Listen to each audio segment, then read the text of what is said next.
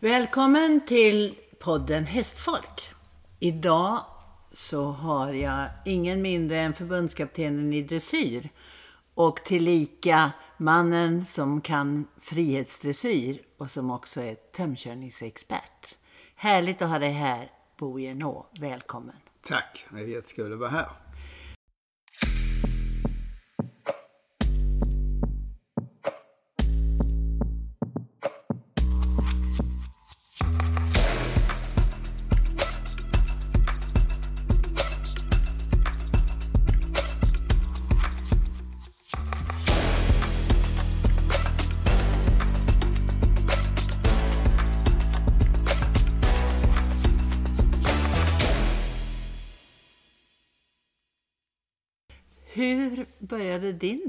Resa?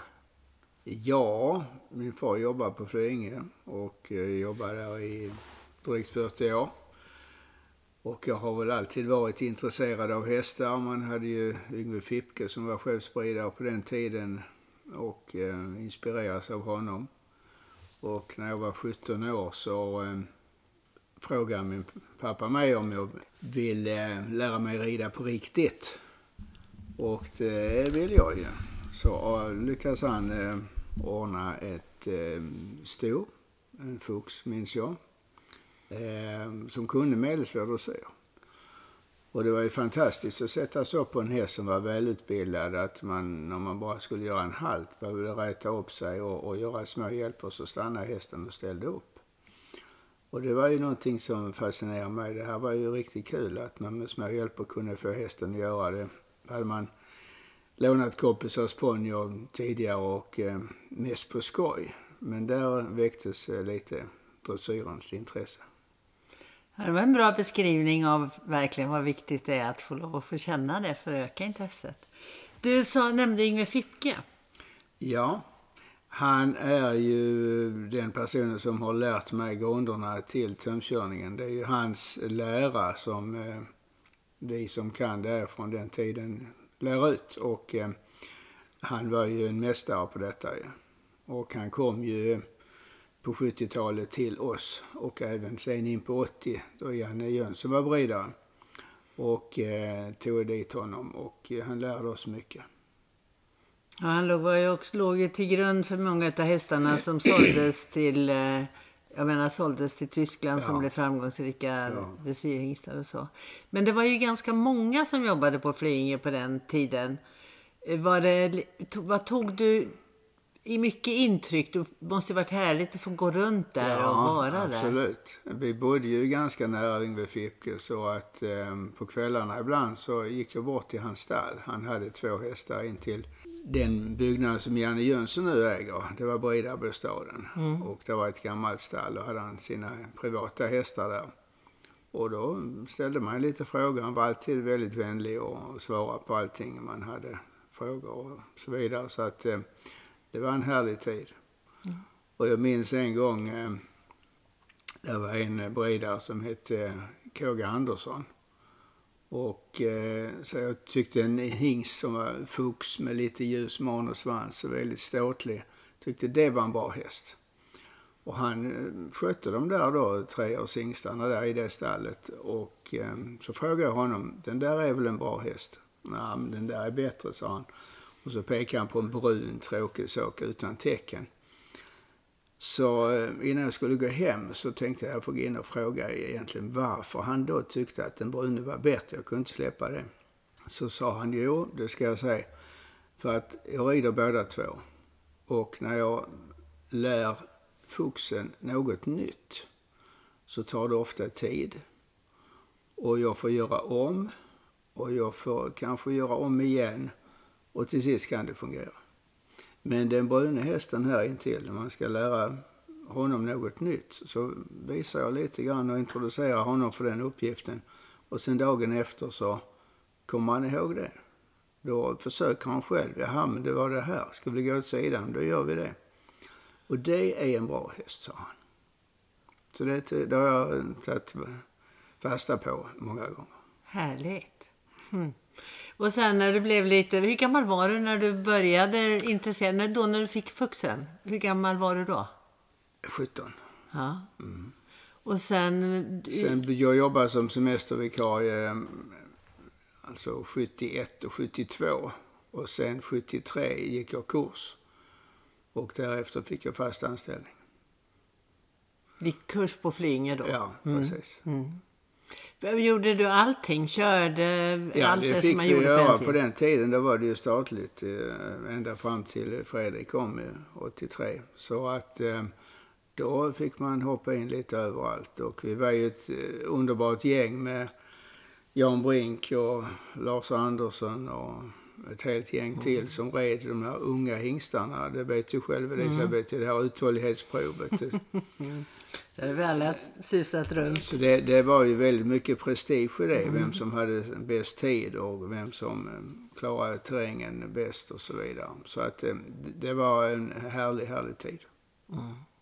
Det var ju så annorlunda med hingstproven på den tiden. och Ja. Hur det var. Fick du intresse för aveln då också? Ja, det kom väl efterhand. Eh, Ett stort eh, minne, eller ett väldigt kul minne jag har, det var när Olle Kjellander var eh, chef på 70-talet, här till fram till 78. Då var Algarve ett och ett halvt år, eh, 73. F- Fullblodshingsten Algarve, ja. Precis. Och, och då så sa han, det här kommer att bli en vinnare, sa Olle Kjellander. Så pekade han med sin käpp, som han alltid hade med sig, på bakdelen och musklerna. Så här ska en vinnare se ut, sa han. Och han vann ju både danska och svenska David 75. Mm. Och sen kom han till Flyinge senare och då fick jag honom eh, som tilldelad häst och, och rida. Och skulle skola om honom från en galoppör till ridhäst. Och det tog ett tag kan man säga. Han var inte så lätt. det. Nej. Men en väldigt eh, härlig, intelligent häst. Mm. När du sen höll på på Flyinge och jobbade och tävlade och all, hela den biten. Vad, hur länge höll du på med det? Ja, Alltså, alltså, delen, nu tänker jag på när du jobbade med hingstarna. ja men det, eh, det gjorde vi ju. Det var ju hingstar ända in på eh, 80-90-talet. eh, Så att det, det gjorde vi ju. Vi hade ju vissa rutiner då när det var statligt. Att man fick göra allting. Allt från att mocka till att rykta till att rida och lära sig tömköra och köra och eh, vara med på allting. Så att det, det var ett eh, teamwork där, så vi hade ju väldigt kul. Ja, det, det, det är ju härligt. För man ser ju på din skicklighet med tömkörning och så. Du, blev du intresserad av det från, från första början eller? Ja, det man såg ju när Yngve han eh, kunde få hästarna att dansa och, mm, på töm, både på sidvärts och samling och allting. Och det var ju någonting som fascinerade. Så det, det var jättekul. Och det är det fortfarande. Det gör jag det varje dag jag är hemma. Så att, eh, och det är framförallt ett väldigt bra komplement till ridning. Man ser ju så mycket mer när man tömkör. Man kan korrigera hästen på en gång om det blir något fel. Och man märker om man tar för lite eller för mycket. Eller, då bara man ändrar sig lite så blir det skillnad. Bara den lyssnar på ditt kroppsspråk. Ja. En som betydde mycket för mig också när jag var ny, det var ju Ragnar Gustafsson. Han var ju bredare innan Janne Jönsson. Han ha- var en fantastisk eh, Eh, person för att det var väldigt mycket rättvisa och det var ordning och reda. Och var det måndag med de unga hästarna, då var det, då skulle vi ut och rida distans eller rida på vägarna. Och det fanns inget dåligt väder utan det var bara på med regnkappan och hästarna stått inne över helgen med helhavre så det var ju full fart när man kom på ryggen. Och tisdag var det då dressyr och lite gymnastikhoppning.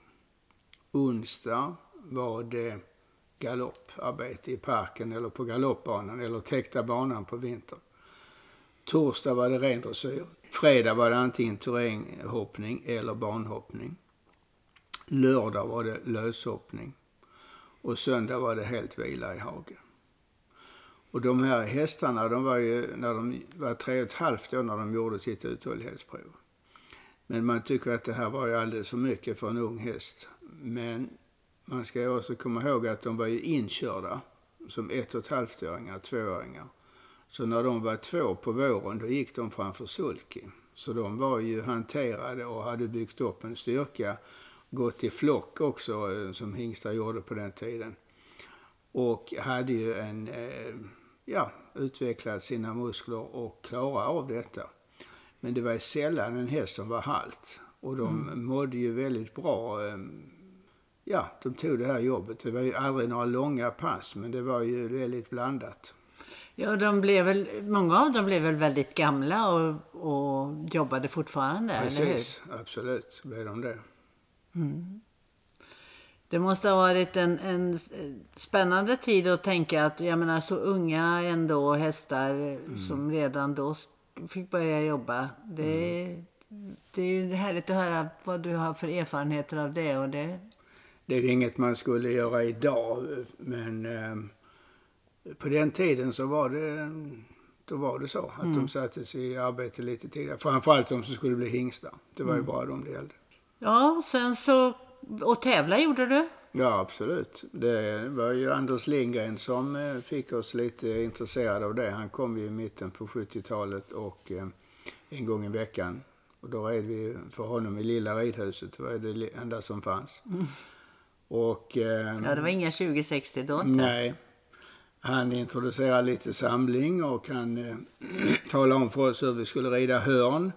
Och, och eh, väldigt, väldigt eh, pedagogiskt och eh, trevligt. Så, eh, sen var det också så att eh, innan jul så var det alltid en, de kallade julprishoppning. Mm. Men det var ju, man skulle hoppa en bana och sen så dagen före skulle man rida ett dressyrprogram. Och då var eh, Anders domare. Och Ragnar hade bestämt att de tre bästa i dressyren fick lov att tävla. Och de tre bästa i hoppningen fick lov att tävla. Och jag hade en hingst som hette Guvernör som var bra på både hoppning och dressyr. Så att jag höll mig där bland de tre många, många år och det var jättekul. Bosse, du tävlade ju Guvernör som du berättade och eh, jag tänker på du många fler. Jag vet att du red väldigt mycket och, och tränade mycket och tävlade mm. mycket. Men var det några fler som kom till Flyinge som inspirerade dig? Absolut. Ehm, vi, eh, det är inte bara Anders Lindgren utan att vi hade ju bland annat Herbert Reban kom och då hade vi på den tiden eh, förmånen att få lov att rida med när han tränade landslaget. Att det blev alltid lite platser över, då fick vi vara med där. Och eh, Georg Otto Heiser, Walter Kristensen mm och Herman Dukek var, var där också. Och det var ju väldigt inspirerande, Walter Kristensson. Jag vet, jag minns en gång jag red för Walter och så ville man ju väldigt mycket när man skulle göra början till Piaf. Så sa han, sitt still. Ja, jag försökte sitta still, men jag gjorde nog inte det. För nästa gång så kom ridspöet över, över låret och sapp sa det. Och sen så sa han, jag sa sitt still, sa Walter. Jag bara nickade och sen så satt jag stilla då efter det. Så att det var många glada minnen, men, men det var ju också kul. Jag tävlade ju mm, upp till Grand Prix med Palermo och eh, utbildade en hel del hästar till svår klass. Allt efter deras förmåga. Så att det, det har varit en väldigt lärorikt att få rida så många hingstar och för olika tränare också. Ja, det, det är kul att du nämner de namnen också för det, det, är de, det var ju de största på mm. den tiden. Mm. Och när du, när du fortsatte vidare sen, hur länge stannade du på Flyinge? Jag stannade ända till 16. Ja. Så att, eh, Men din roll var annorlunda? Ja, det var det ja. Och när och, byttes eh, den då? Ja, på slutet på 70-talet så blev jag eh, lärare på hästskötarkursen i specialhästvård. Mm. Som det hette då. Då skulle man fläta både man och svans och linda ben och, och fixa lite med det. Så det, det var ju kul. Det var ja. det första. Och sen så småningom så fick jag hjälpa till när jag har ridlektioner också. Och sen så blev jag kurschef för hästskötarkursen och sen har jag varit kurschef för stallchefsutbildningen och eh, huvudlärare i eh, dressyr och tömkörning på slutet.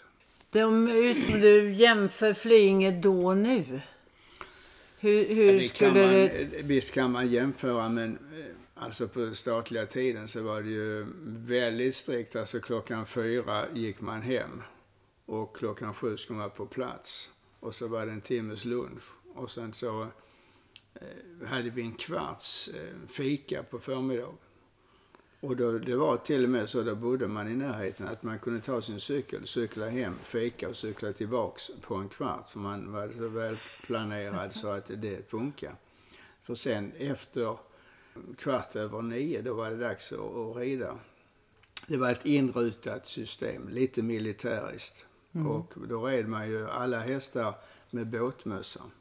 Hade vi, kask hade vi med ett litet gummisnöre när vi hoppade, men det tog man bara ner just när man skulle hoppa hinder. Sen tog man upp det där gummisnöret igen för att ja, och kasken var bara på då.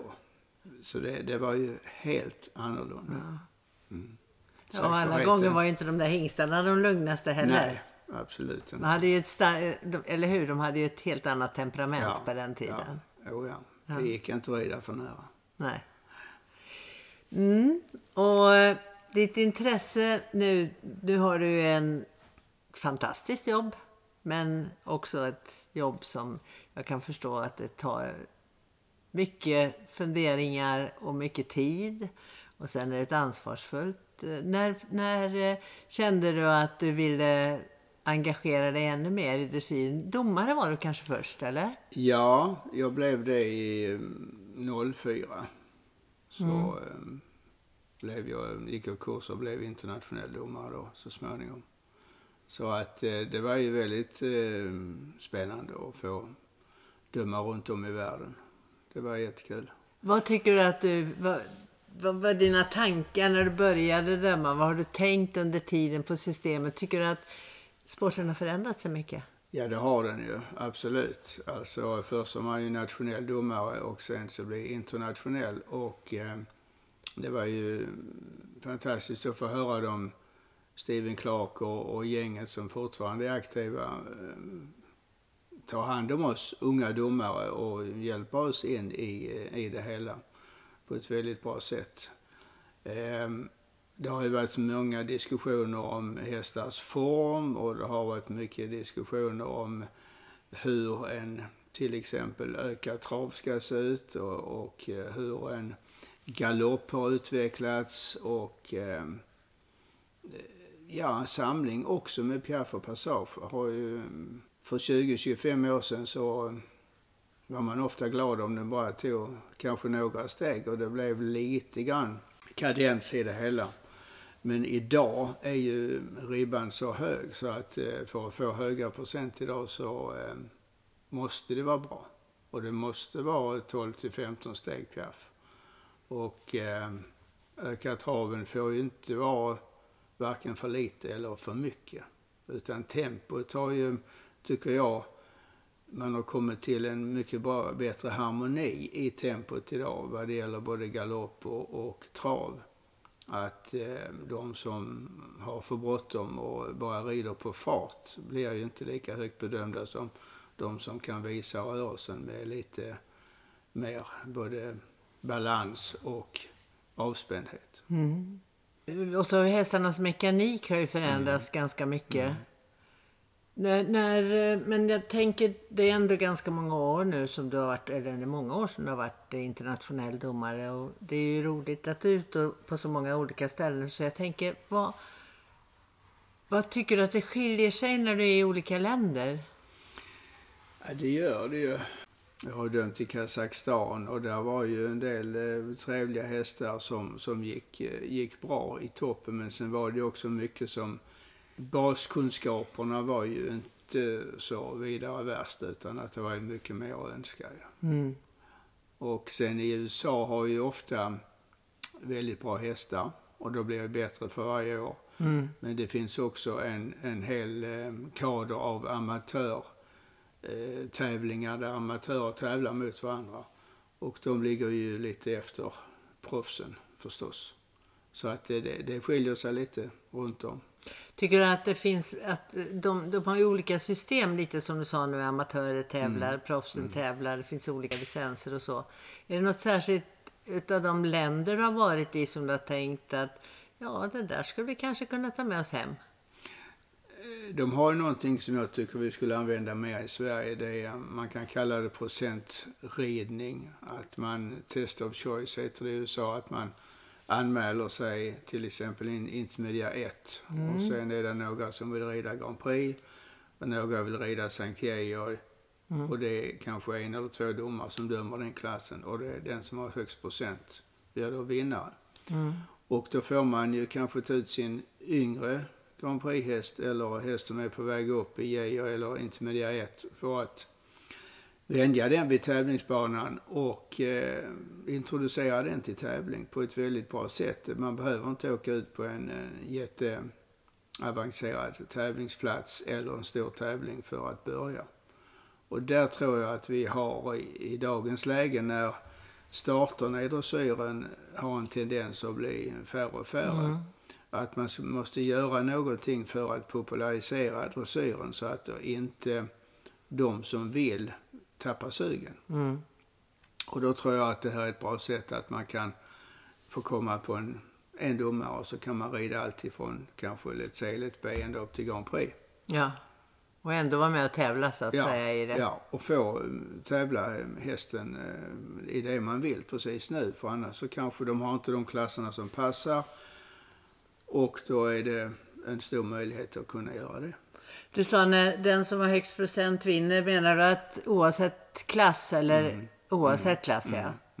Det är det också ett behöver bra inte vara sätt. så, men, men det är ju ett sätt att, att göra det lite populärt. Ja. Att, eh, rider man på hög procent så ska man belönas. Det kanske också är ett bra pedagogiskt hjälpmedel Mm. att se att eh, en bra procent, även om det är en lägre klass, Mm. tyder på bra grunder och Precis. Färdighet. Precis.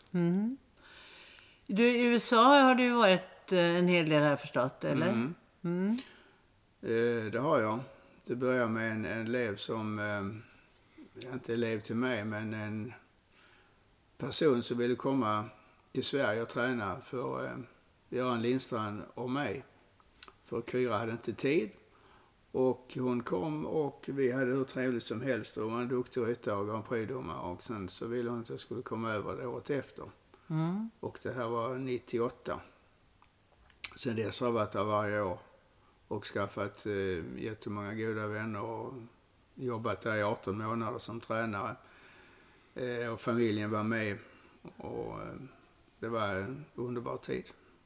Så att eh, jag har fortfarande vänner kvar sedan den tiden som jag hjälper lite då och då. Som kombinerar med lite semester och lite träning. Du får ju fantastiskt mycket erfarenhet av att se alla olika länder genom ditt Mm. dömeri men också genom tränarjobbet. Så att eh, det måste du... Vad tar du med dig mest? Ja, nu har jag faktiskt tackat nej till internationellt eh, dömande. Jag har avsagt mig det för jag hinner inte längre. Det är Nej. Mm. kaptensjobbet och eh, A-tränare och eh, avelsföreningens eh, nämnden där eh, tar ju väldigt mycket tid också. Jag åker inte lika mycket runt om i världen längre. Utan, men det jag ser, det är ju när vi är ute med lagen. Det är ju väldigt intressant att få träffa både tränarna, ryttarna och förstås alla runt omkring det här teamet och få ha en dialog med dem om saker och ting som man funderar över. Och se också hur andra länder löser sina bekymmer med, eh, ja, skaffa nya hästar, eh, metoder att träna, eh, allting som hör, tillhör världstopp. Så jag, jag får ju se de bästa i världen och det är en ynnest. Det är ju verkligen kul ju. Och det vet du själv som hade mitt jobb tidigare att det, det är bland det roligaste när det drar ihop sig. Ja, det ger ju en en, en sån erfarenhet och mycket- man utvecklas ju väldigt mycket Ja. själv i sitt eh, tränarskap också. Men eh, vi, om vi går till, då, då slutade du, när du slutade på Flyinge, vad gick, då gick du direkt, åkte du direkt iväg till USA då eller vad hände Nej, då? ehm, jag ehm, jobbade på Flyinge då, jag tog tjänstledigt Ja. eh, ett år då. Ja, Och sen kom jag tillbaks till Flyinge igen. Det här var 02-03, Ja. så det är ganska länge sedan. Ja. Och sen gick du över i din egen verksamhet. Ja, sen jag blev jag eh, internationell domare 04. Mm. Och sen så började jag jobba mycket mer eh, med träning och även döma då ju. Mm. Och jag var ju kvar på Flyinge och eh, gick väl ner lite i tjänst efterhand. Och sen 08 blev jag förbundskapten. Och så eh, blev det ännu mindre på Flyinge men jag var ändå kvar till 16. Din roll som förbundskapten, vad, vad är det som du tycker känns allra roligast och vad kan du känna ibland att det här är många tankar man måste ha? Vad... Berätta lite om hur du ser på din roll. Det är lite som jag sa tidigare att få träffa de här ryttarna i världstoppen, tränarna och få se deras hästar och se deras påläggskalvar, nya hästar som kommer upp. Och eh, kanske diskutera lite träningsmetoder med de här tränarna som är runt om de bästa i världen. Och det, det är ju highlighten, absolut. Och sen är det ju jättekul att jobba med de svenska ryttarna. Vi gör ju allting från Lussan har mycket förbundsträningar och följer med på tävlingar. Alla vill ju träna för henne. Det, är- det är fantastiskt för det är inte någon utan att de vill träna för henne. Så det är jag väldigt glad för. Ja, det förstår jag. Att jag engagerar henne. Mm. Och sen har vi ju, man ser att de här svenska ryttarna, de är inte sämre än några andra. Och vi har minst lika bra hästar i Sverige också som andra. Mm. Det är ju samma blodslinjer, det är bara att vi ska vara, ta hand om dem. Och vi har färre ryttare och färre hästar än vi jämför med Danmark och Tyskland och Holland och England. De har mycket mer utbud och fler. Det är ju mer status att jobba med häst i Tyskland till exempel Ja. och vara beridare. Det finns ju inte den eh, statusen i Sverige så att det är väl många som kanske inte löper hela linan ut och hänger i tillräckligt så att vi skulle behöva fler som ville satsa. Och, när du säger det så tänker jag på, skulle man kunna göra? Finns det någonting som du ser, det där skulle vi behöva ta tag i för att entusiasmera fler till satsning? Eller behöver vi fler hästägare och uppfödare? Eller vad, vad tycker du är det springande punkten om jag säger så? Ja. ja, det är ju flera saker vi skulle kunna eh, utveckla. Nu är vi jätteglada för att vi har eh, en ny sponsor till dressyr, Stora Enso, Mm. Eh, som hjälper oss så att vi kan möjliggöra den här satsningen på Nations Cup och alla tävlingar vi behöver före mästerskap. Men för ryttarnas skull så skulle man ju önska att fler ryttare, nu har våra toppryttare ganska bra välbeställt med sponsorer och eh, egna medel så att de, det är dyrt att tävla på toppnivån, det ska ju alla veta. Men man skulle ju önska att eh, man kunde kanske nätverka lite mer mellan uppfödare, ryttare, tränare. Att man eh, att det var lättare för ryttarna att hitta hästar som var tillräckligt bra. Mm. Och att inte de säljs förstås Mm. utomlands utan att man eh, önskar att det var fler hästägare som ville behålla de bästa hästarna och sätta dem hos lämpliga ryttare. Mm. I den hoppningen så kanske man byter ryttare ibland och säger att den här passar inte mig, den är för het, jag gillar den inte riktigt men det är en bra häst. Och då får han helt plötsligt en, en ny ryttare chansen på den hästen och då helt plötsligt händer det saker och hästen börjar Ja. fungera. Och ibland tror jag att den skulle kunna funka inom dressyren också. Ja, det är väl det. Där är vi lite mer protektionistiska och, Precis. och så. Det, det tror jag du har väldigt rätt i att det hade säkert varit så. Man, man klickar ju med olika, med Mm. Ja. olika hästar. Det är ju så. Temperament och ska stämma överens med båda. Mm. Kanske allt de yngre hästarna, alltså 5, 6, 7 år. Ja. Jag tror att det hade kunnat vara en öppning att man bytte häst ibland. Mm. Men, eh, men det är... försöker bryta den här trenden att alla tror att man ska skaffa en ny topphäst, då måste man åka utomlands. Och det är en felaktig bild. Utan vi har dem i Sverige, men det gäller bara att de ska hamna hos rätt ryttare och få en, en bra utbildning så är de minst lika bra. Mm. Ja, jag tänker på att du sitter ju i avelsvärderingsnämnden. Mm. Och även eh, dömer på breeders. Mm. Så vad tänker du där? Ser, tycker att häst, är det någonting du skulle vilja önska mer av de unga hästar ser? Jag tycker de blir bättre år från år. Eh, framförallt har ridningen blivit mycket bättre av de unga hästarna. Det, det tycker jag att de är, rids på ett väldigt mer korrekt sätt idag. Att man låter hästen visa sin egen självbärighet och sina förtjänster. Ja, man skulle alltid önska att det var fler stjärnor som, som eh, kom fram. Eh, Vi har ju ett litet utbud. Vi har ju inte alls så många ston inom dressyraveln som de andra länderna. Men eh, det är ett långsiktigt jobb. Ja. Men, men jag tycker kvaliteten håller sig ganska bra. Vi hade nu till exempel i Falsterbo åtta stycken hästar i sexårsfinalen utav 12 var SVB-hästar. Mm. Ettan, tvåan, trean var SVB. Och det tror jag inte har hänt någon gång tidigare i eh, Falsterbo. För där bjuds ju alla, så att säga, brider sig bara SVB. Men här får ju alla vara med och konkurrera. Ja. Det är ju kul. Det tyder, det tyder ju på att det kommer fram fler och fler hästar, eller hur? Det gör det. Ehm, tycker du att... För, för man pratar mycket om att det finns mycket överrörliga hästar. Mm. Och eh, också det här med mekaniken, att det har Mm. förändrat sig och många hästar som är, är liksom in, inte den lite tyngre modellen utan de är väldigt lätta Mm. och mycket temperament. Stämmer det med vad du tycker? Skulle man kunna ändra någonting eller vad, vad tänker du? Vad tycker Ja. du? Jag tror vi har nått gränsen vad det gäller eh, ädelhet och känslighet nu. De behöver inte bli känsligare, de behöver inte bli ädlare. Och eh, till och med mankhöjden behöver inte heller bli högre.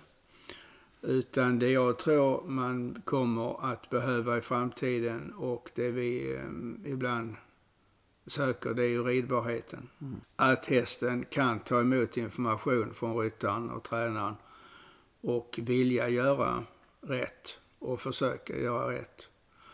Eh, mycket handlar ju klart på att det är en eh, ödmjuk och känslig ryttare och tränare som får hand om den unga hästen. Det är egentligen där man behöver de skickligaste ryttarna för att ta hand om den unga hästen och utbilda den på rätt sätt och ge den tillräckligt mycket tid. Tror jag, det är väl en, en faktor som man får vara, passa sig lite för att inte man har för bråttom. Och eh, vill vara med på alla championat för, eh, i alla årgångar utan eh, ta det lugnt med hästen eh, med tävlandet eh, när den är ung och sen så när hästen är stark nog då, då blir det bättre. Sen tror jag också att eh, hästens exteriör, bålens riktning så att säga, att hästen är byggd lite i uppförsbacke är viktig att att tänka på i framtiden. Så att man gör det enklare för hästen att klara av de här rörelserna så småningom. Mm. Så att den inte har några exteriöra fel. Nej, får jobba på att komma till bakbenen. Det är lite Mm. lättare för dem om de är Mm. byggda uppförsbacke. Eh, vi har ju mycket influenser ifrån eh, Tyskland naturligtvis och Danmark i våra dressyrhästar. Och eh, jag tänker på när vi har, breeders och när vi har de olika unghästklasserna. Tänker du på form och sådär som domare? Vad tänker du där? Är det, är det för, många tycker ju att det är tidigt som de går i en väldigt upprest form. Eh, vad, vad- hur, hur tänker du där? Vissa tre och fyraåringar går ju fortfarande i lite för hög form, det kan jag nog tycka. Men eh, generellt sett så blir det bättre år från år att de rids med, låter nosen komma lite längre fram och eh, den här överstrykningen som vi gärna vill se domarna, att hästen verkligen kan slappna av och söka sig neråt framåt och att då ryttarna gör det på korrekt sätt. Det är ju jätteviktigt att man håller kvar vid det. Men ehm, det, det är som sagt alltså en, en balansgång. Många vill ju visa upp sin häst och är hästen då lite extra pigg och den, den vill framåt och man försöker ta halvhalt och få den att vänta och då går den upp istället. Så att de minuterna man är där inne är inte alltid så lätt. Men jag tycker ändå att generellt sett så blir det bättre och bättre. Ja, det är väl en, det är väl, man kan ju se en ganska tydlig skillnad tyck, eh, på att det når fram era budskap från, från domarhåll. Det med, med bedömning överhuvudtaget. Vad, vad skulle du vilja säga till de yngre ryttarna? Som, eh, de som så gärna vill skynda sig upp i klasserna. Är det någonting särskilt de kan ha till hjälp i tanke? Vad vill du att de ska göra som yngre ryttare? Alltså jag tycker nog att eh, som en, en ung ryttare, om man har en ung häst, så är det ju, som jag sa tidigare, inte nödvändigtvis tvunget att rida alla de här championaten. Utan man kan ta det hästen är lämpad för och stark nog att göra. Och sen kanske man, jag tycker jag ibland skulle kunna utbilda hästen, grundutbilda hästen lite mer och lite längre tid för att sen ha igen det när man väl tävlar. Och man behöver inte ge sig ut i en jättemånga letarer och medelsvår och, och kanske sen en, en medelsvår A för att hästen ska bli bra längre fram. Utan har hästen gått lite unghästprogram, sen kan han kanske vara det kan ta ett år, ett och ett halvt utan tävling. Man kan rida igenom ett program hemma för att checka av var man sitter och be någon titta. Eh, och sen att eh, man då får lite feedback och sen så eh, fortsätter det. Är hästen, reagerar hästen väldigt skarpt på tävling, då kanske man får rida någon programträning på ett lite annorlunda, man åker Med till lite mer atmosfär. Ja, atmosfär och vänjer dem vid det. Det är inte tvunget att man behöver tävla. Sen behöver vi också tävlingar. Och vi behöver ryttare som startar. Så det är en balansgång mellan det hela. Eh, Så att de unga ryttarna är klart att de ska få lov att tävla. Men ibland blir det lite för mycket. Man kan tävla mindre men man eh, kan, får inte glömma bort grundutbildningen. Att det är den som ligger till grund sen för att komma nästa steg. Så du får påfyllning till ditt landslag. Precis. En sak, jag tänkte vi fråga dig om, om satsningen mot Paris och så, men tänkte jag vänta lite med. För först skulle jag vilja fråga om det här som jag tycker är så fascinerande som du gör, frihetsdressyren. Mm. Berätta om hur kom du in på det och vad, hur har du jobbat med det? Ja, det är väldigt kul. Och eh, jag gör det inte så mycket just nu, men eh, jag har alltid varit intresserad av det. Det började återigen med Yngve och uppvisningarna, flyngedagarna, Immer som kunde en del saker. Han kunde lägga sig, han kunde stegra och han gick upp på ett podie. Och det tyckte jag var väldigt spännande. Så att, eh, ja, det här var väl 15 år sedan, tror jag, ungefär, som eh, Ehm, de frågade på flygen, ska vi inte kunna ehm, blåsa liv i det här igen? Ska vi inte kunna göra någonting av det hela här och hålla på lite traditioner med rida tandem och uppsutten alla cell och frihetsdressyr också. Och då hade jag ju varit och jobbat eh, i USA och träffat eh, en person som heter Kim Barteau. Han är väldigt känd i USA med just Liberty, frihetsdressyr. Och jag hjälpte honom att, träna hans fru och de red Grand Prix båda två och var väldigt duktiga hästmänniskor. Så jag fick honom att komma över en vecka i maj och sen en vecka i, i september och lära mig hur det gick till, hur man gjorde detta. Och det var ju otroligt spännande. Jag minns en gång jag sa, ja men Kim det här fungerar ju inte. Nej, sa han, men du står ju fel, sa han. Flytta dig, flytta mig en decimeter. Pröva nu, sa han. Jaha, det fungerar på en gång. Mm. Så var det med det. Va? Så, så han, han var ju fantastiskt skicklig. Och hästar, eh, de kan lägga sig, de kan sitta, de kan stegra, de kan buga, de kan stå still och, och eh, man kan, de är rond, lösa en, en liten man kan bygga en liten volt med, med lite plastband och, och de kan vända och de kan byta varv. Och allt det där lärde Kim mig och eh, väldigt pedagogisk och sa att nu måste vi ta det här steg för steg. Och det är en av de bästa, eh, det var ju rätt fascinerande, han ville inte alls vara med från början. Jag vet vi var nere och täckte banan och skulle lära honom bygga, peta lite på frambenet. Han stampade som att han fick en jättefluga på benet och så tittade han i väggen och sa sluta. Låt, låt bli mig. Det var de signalerna han sände till oss. Ja. Och vi försökte igen och försökte igen. Och Kim han kliade sig i håret och sa han, det här blir inte så lätt, sa han. Och sen helt plötsligt en dag, då vände det. Då hade Okej. hästen tänkt om och att då var han väldigt intresserad. Och allra minsta signal från oss, då försökte han göra vad vi bad honom om. Ja. Och nu är han väldigt on. När man träffar honom någon gång så vet han direkt och spetsar öronen och så vill han ut och jobba. Ja, jag har ju sett, sett. Jag antar Så- det är så- den som vi, ja. visade oss när vi Ja. hade tränardelen. Ja. Så det, det är ju otroligt. Man bygger upp en sådan kommunikation med hästen. Man får en sådan kontakt med hästen.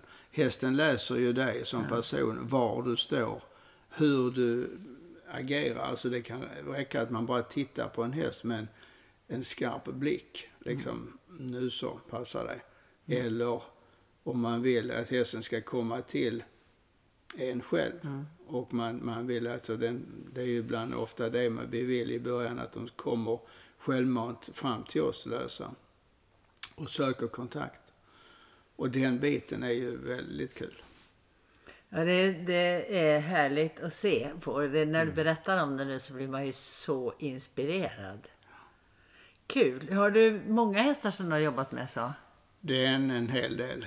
Vi på Flöinge hade vi, jag tror det var 12 stycken som bugade på en cirkel och en som satt på ändan, alltså satt upp i, i mitten. Och då hade vi instruerat elever på Flöinge hur de skulle få hästarna att buga. För när väl hästen har lärt sig buga, eh, om hästen gör det tre gånger på ditt kommando, alltså nu de här tecknen och så bugar hästen på ditt kommando, så glömmer han det aldrig. Så Kim sa det första gången, första året han var här, så sa han, ja okej, nu kan du släppa dem på bete, så kan du ta hem dem i augusti och så kommer de buga allihopa. Ja, du snackar så. Testa, sa han. Och jag kunde ju nästan inte hålla mig till Nej. augusti, men det fick jag ju. Och hästarna kom hem. Vi gjorde det allihopa bara pang, pang, pang, buga direkt. Ah, Så att det är, eh, det är alltså man pratar om hästminne. Och hästar tycker, de gillar ju det här då. Och det var ju väldigt få som inte tyckte det var kul om man hade väl lärt sig det här. Så att, eh, ja, det är med kontakten Spännande. naturligtvis. Ja, det är väldigt spännande. Roligt att du gör det tycker jag. Därför att det är synd om det glöms bort. mm, Och just i och med att man har gjort en del förut på Flyinge så är det väldigt roligt att du har fört tillbaka det. Och till många av, du borde egentligen göra det lite mer ute över lite överallt. man har hunnit med så. Mm. Kanske blir så småningom när du känner att du inte ska ut och fara så mycket i världen. Då Det kanske vet, du... det vet man inte. Ja, man vet inte. Mot Paris, Mm. hur tänker du då? Hur ser satsningen ut? Den är i, um, inte i slutskedet ska jag inte säga, det är ju ett år kvar. Men det är ju väldigt mycket förberedelser redan nu från Olympiska kommittén och um, jag vet att ett gäng har varit nere och rekat i Versailles på hotellet där vi ska bo och um, tittat runt och det verkar väldigt lovande. Så det blir spännande. En stor fördel nästa år är ju att det inte är så långt. Vi har ju tävlat utanför Paris i Compiègne i många år och det har gått jättebra. Och ehm, så vi är lite vana vid den trakten. Sen har vi inte varit där när det är juli månad, augusti. Det kan bli väldigt varmt. Så att um, SOK har ju varnat lite för en, en torr värme som vi får vara beredda på. Inte så illa kanske som Tokyo, men ehm, ändå att vi får vara beredda på det. Så det jobbar vi med. Sen gäller det att ha de hästarna som, eh, vissa hästar eh, börjar bli lite äldre. gäller att hålla dem vid gott mod och att de eh, är fräscha. Tävla lagom. Tävla på eh, lagom nivå på de som är på väg upp så att man inte har för bråttom med, med de här som är på väg och mm. nu gör bättre och bättre resultat. Utan att de eh, får en bra resa fram till Paris. Så att eh, där finns ett gäng att, att plocka ur men eh, det är ju väldigt spännande alltid mm. med att, att se hur de utvecklar sig och hur, hur sen eh, tuffa mål. Alltså det är ju hög procent idag som man måste gå på för att det ska lyckas på pallen.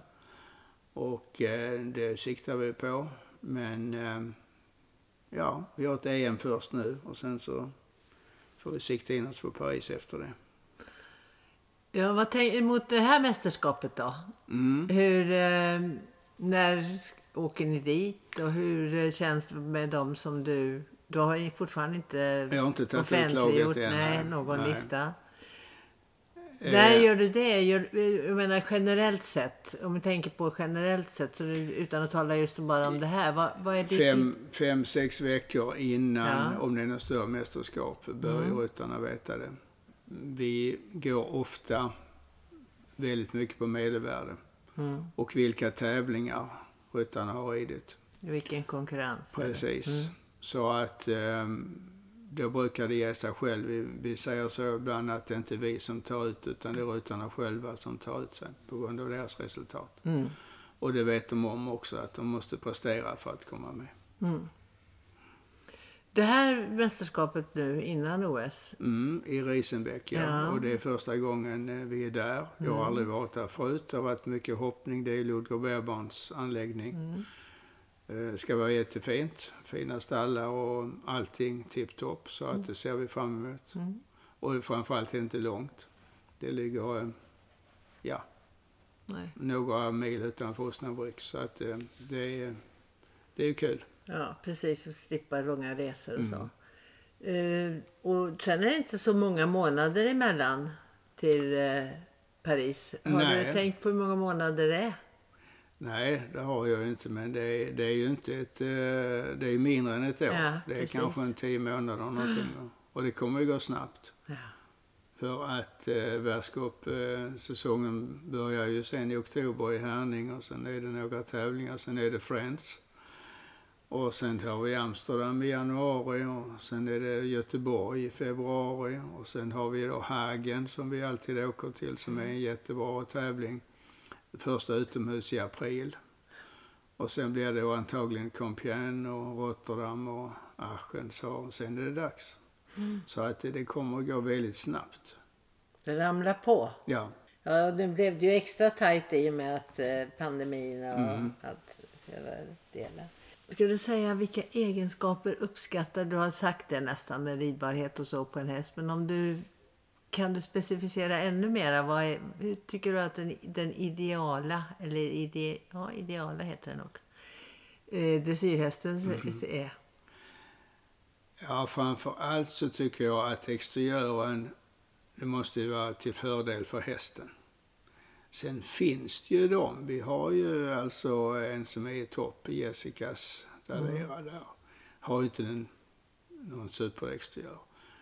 Eh, Isabel Wertz, Vangold, var ju inte heller någon stjärna vad det gäller exteriör. Men de hade ju en fantastisk ridbarhet mm. och en inställning och en vilja att göra vad ryttarna ville inne på banan. Mm. Och eh, hade lätt för piaff och passage och piruetter och, och byte och så vidare. Och det måste den internationella hästen ha idag. Det går inte att komma med en häst som har den måste ha tre bra gångarter och den måste ha lätt församling och den måste ha en inställning och en utstrålning så att den vill visa upp sig inne på banan. Och eh, gärna, gärna en snygg häst. Men det absolut viktigaste är att den är tillräckligt känslig och att den vill arbeta inne på banan. Och det spelar ingen roll om du har tiomässiga gångarter och den är jätteflott.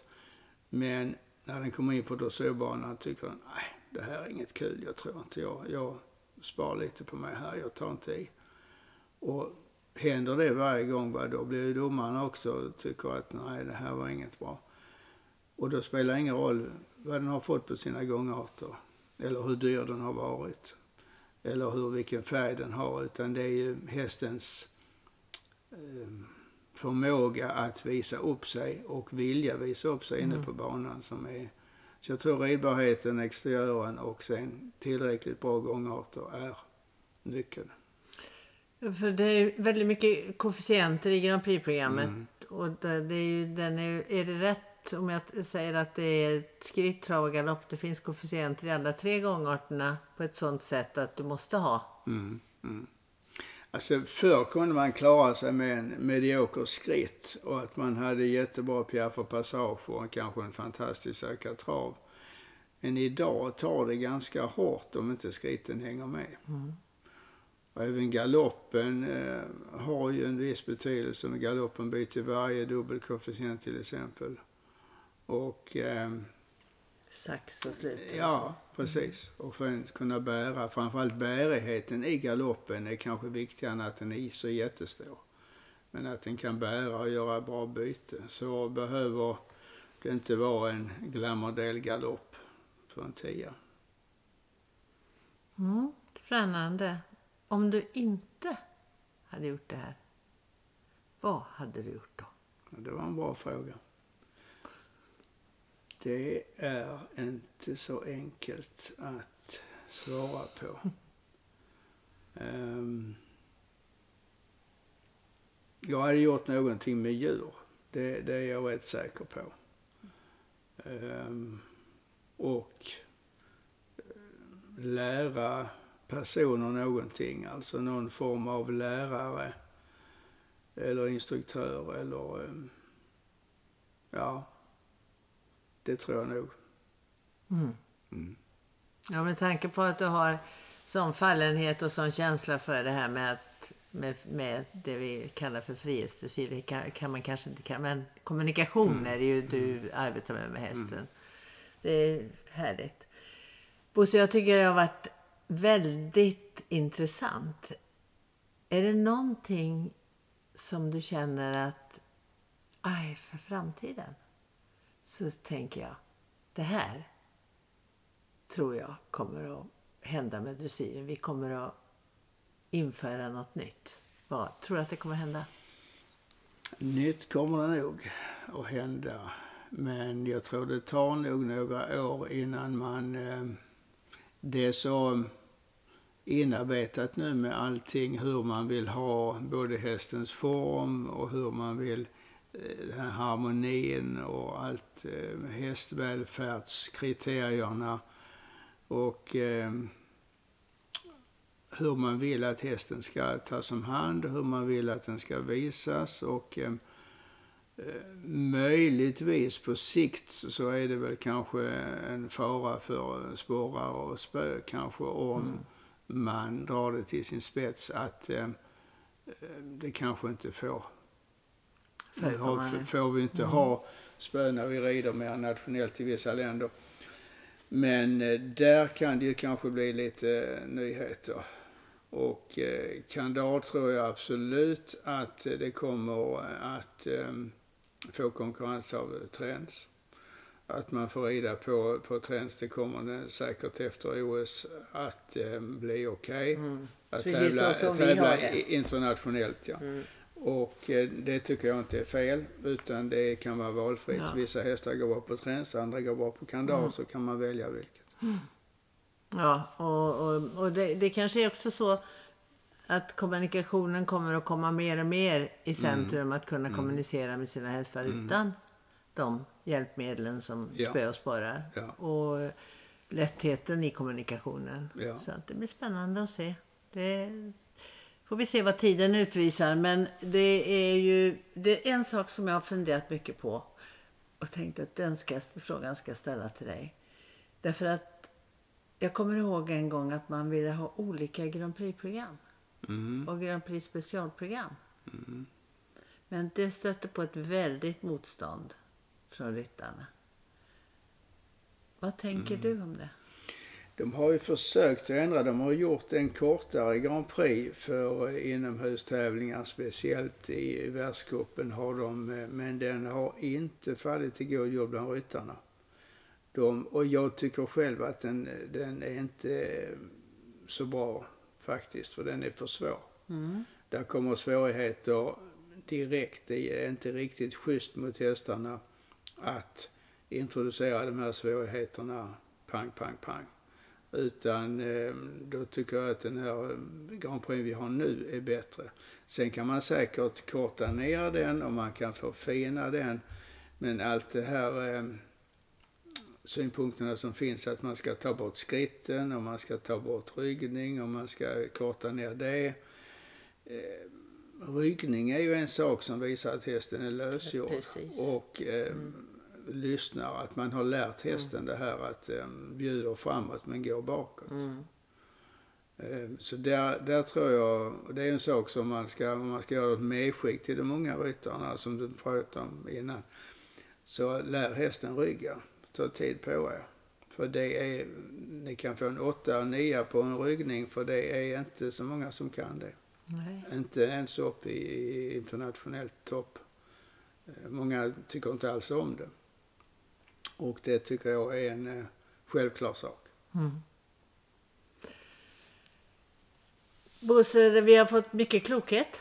Det var jättespännande att få prata med dig om alla de här, eh, allt det du gör.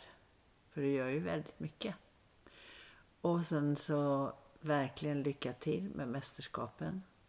Och jätteroligt. Och eh, så ser jag ju fram emot att eh, när du sen går in eh, i en... Du kommer säkert att hitta ytterligare någon ny koppling till det här med kommunikation tror jag. Då kanske vi kan träffas igen. Det går jättebra. Tack! Tack, var kul att vara här.